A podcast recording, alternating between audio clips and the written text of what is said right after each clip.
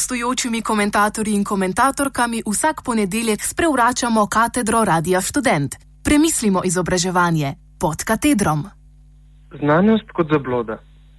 Rupert Sheldrake je priznani znanstvenik, biolog in avtor različnih znanstvenih člankov in knjig.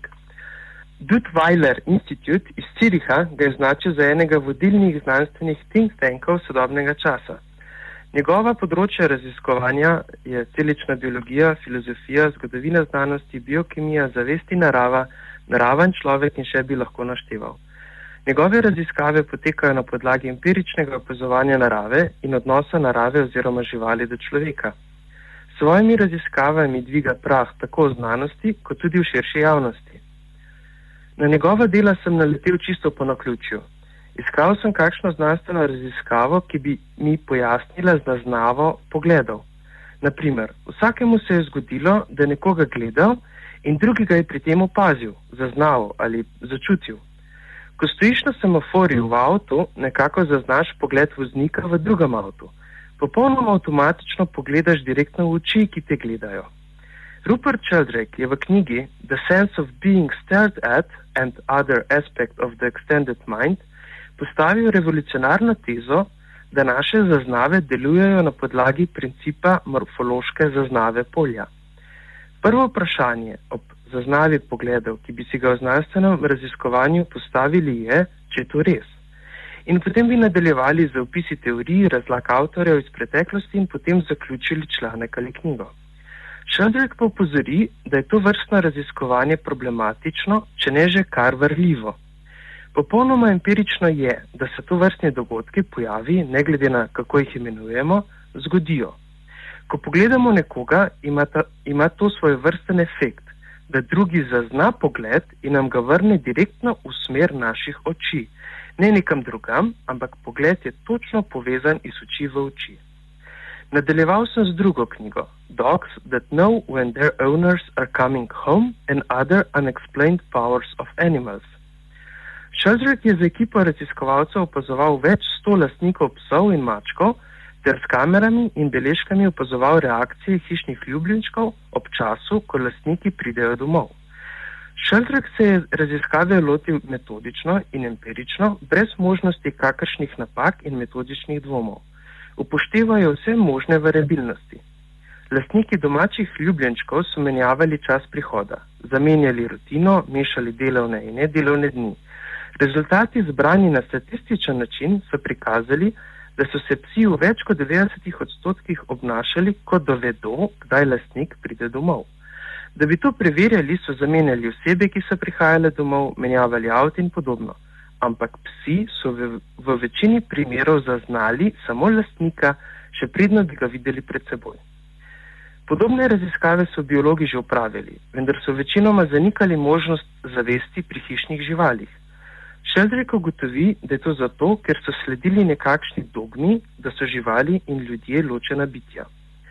Kar vodi v njegovo zadnjo in po mojem mnenju najbolj prelomno knjigo The Science Delusion, ki jo priporočam v branje tako za priseženim naravoslovcem kot humanistom. Rupert Sheldrake se v knjigi The Science Delusion, znanost kot zaploda, loti prav znanosti. Vpraša se, kako je možno, da se pojem herezije pojavi v znanosti, čeprav je bila herezija poprej samo domena crkvene teologije in oblastniško obsojanje tako imenovanih nevernikov. Šeldrek ugotovi, da sodobna znanost, ki se je razvila ravno na dvomu teoloških resnic, postala sama svoja dogma.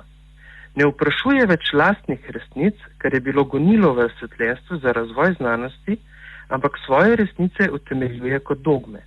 To je pomembno vprašanje, ker se je znanost razlikovala od religije ravno s tem, da je utemeljene resnice nenehno vpraševala. Danes pa ne dopušča dvoma v svoje dogme, ampak dvomi v vsako kritiko ali dvome v znanost. Drugi pomembni razvoj zahodne znanosti je, da se je povezala z državno politiko z obljubo, da lahko pomaga vladati oblastem po principu, ki jo je zasnoval filozof Francis Bacon, knowledge is power. S profesionalizacijo znanstvene dejavnosti vedno več znanstvenikov jemlje svojo dejavnost kot poklic, kot delo za nekoga, kar je obratno od vedoželjnosti, ki je bilo pogoj za raziskovanje od Aristotela naprej. S pojavom platonizma oziroma neoplatonizma konec 19. stoletja prevladuje v znanosti dogma tako imenovanega idejnega sveta, ki je bila v prid političnim interesom, kakor pa znanosti. S tem, ko se znanost ukvarja z idejami, ampak v političnih in hierarhičnih poljih ravno paradoksalno omejuje možnost domišljije in drugačnosti, ki bi značilen v Aristotlovem raziskovanju. Raziskovanje je temeljilo na razmerji, na razmerji med stvarmi ter, če je lahko kaj drugače, kar je bila metafizika. Ampak, če znanost deluje na podlagi platonizma, potem za znanost ni več pomembno, kakšen je svet, ampak bolj o kakšni ideji lahko ustreza interesu, se pravi politike, kakšen bi moral biti ta svet. Tipičen primer je Richard Dawkins, ki je združil sistemsko teorijo z eugeniko oziroma geni, kar je Darwin strogo obsojal. Nadaljuje svojo dogmo evolucionizma, ki pa nima empiričnega raziskovanja, zato še danes ne vemo empirično, kako vrste nastajajo ali kakšni so naravni zakoni. Darwinova evolucija je prinesla poleg generalne teorije o nastanku vrst še nekaj drugega. To, da so v naravi zakoni, ki se lahko razvijajo tudi po svoje, kar je bilo v nasprotju z transkreacionizmom takratnega časa. Zavrnil je mehanističen pogled na naravo in utemeljil, da ima narava svojo moč razvoja. V današnjem pogledu bi Darwin bil velik naravovarstvenik in ekolog. Današnji evolucionizem pa ravno obratno od Darvina zagovarja mehanistiko, moč sistema in tehnike ter odpravo narave. To temeljuje potem, bo, to temeljuje potem boj človeka proti človeku, namesto da bi ponudil holistično paradigmo, ki bi pojasnila obstoj stvari. Preobrnjeni evolucionizem je našel svoje mesto v socialnem darvinizmu, ki pa ni imel podpore pri socialnih disciplinah. Socialni darvinizem se je zatekal k najbolj neempirični znanosti, to je ekonomiji. Ravno ekonomija, ki ne prepoznava človeškega potencijala, je prevzela mehanistične dogme, katere so podprli politiki in vlade, ki financirajo raziskave.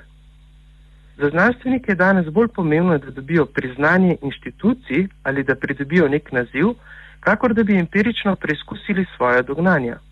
Prava znanost, ki sledi učinku v naravi oziroma v polju naravnega, je pravzaprav izpodrinjena iz inštitucij, akademij in visoko zvenečih eminenc. Šeldrik ugotovi, da se znana Kopernikova revolucija ali tudi Galilejovo odkritje v znanosti še ni zgodilo. Še vedno kot takrat, ko so verjeli, da je Zemlja okrogla, obstaja isti nihilizem v znanosti do nečesa novega ali pa do odkritja. Isti mehanizmi, pred katerimi se je znanost borila proti cerkvi in državi, so danes znotraj znanosti. Vprašanje je, ali moramo znanost osvoboditi od vseh dogem in miselnih represij, ali pa je potrebno samo raziskovati izven dogmatičnih inštitucij. Po mojem mnenju bi bil ne samo zgodovinski čas, ampak čas prihodnosti, če obrnemo list znanosti in začnemo na novo raziskovati naravo človeka, in vsa čudesa, ki nas obdajajo. Kaj ni ravno namen, da razumemo svet okoli nas, da lahko razumemo sebe in skupaj sobivamo. Komentar sem pripravil.